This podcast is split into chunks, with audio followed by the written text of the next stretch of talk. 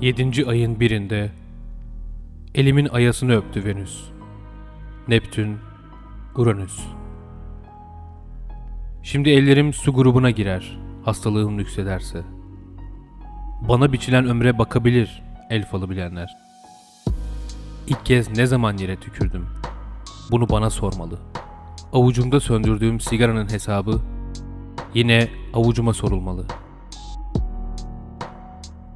Yedinci ayın birinde akıl çizgim dünyayı dolaştı. Geldi.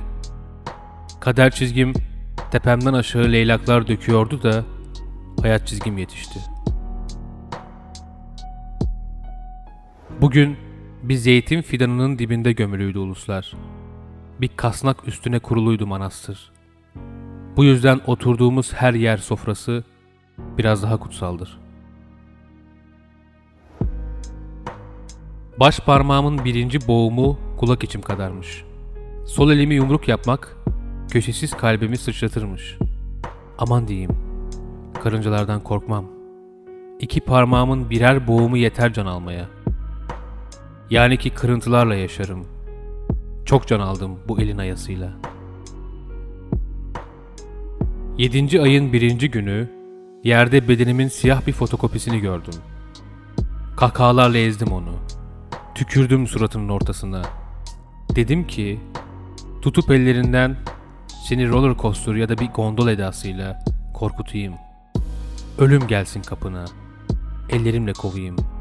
Sarısı burnunda parmaklarınla ensemde siyan balığı olmuşsun.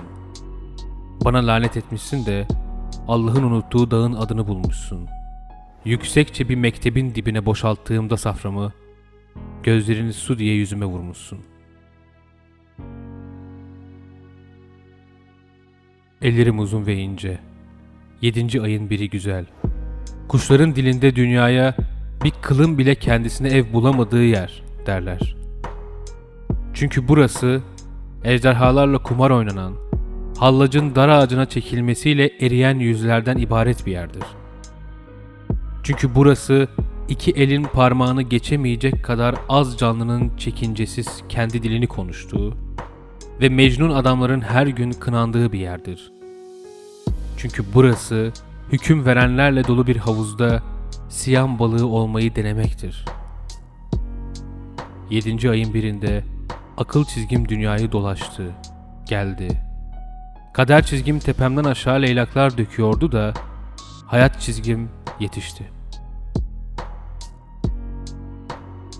Yerdeki esmer ırklı bana dedim ki, hani nasıl havanın buluta doyduğu günde doyamayan gözlerimiz vardı içi pis tırnaklarımıza. Nasıl ki bir otel odasında birbirine kapanmış kapılar gibiydi başlarımız. Nasıl ki davullar çalıyordu da ben kurbağalar yapıyordum yağlı kağıtlardan.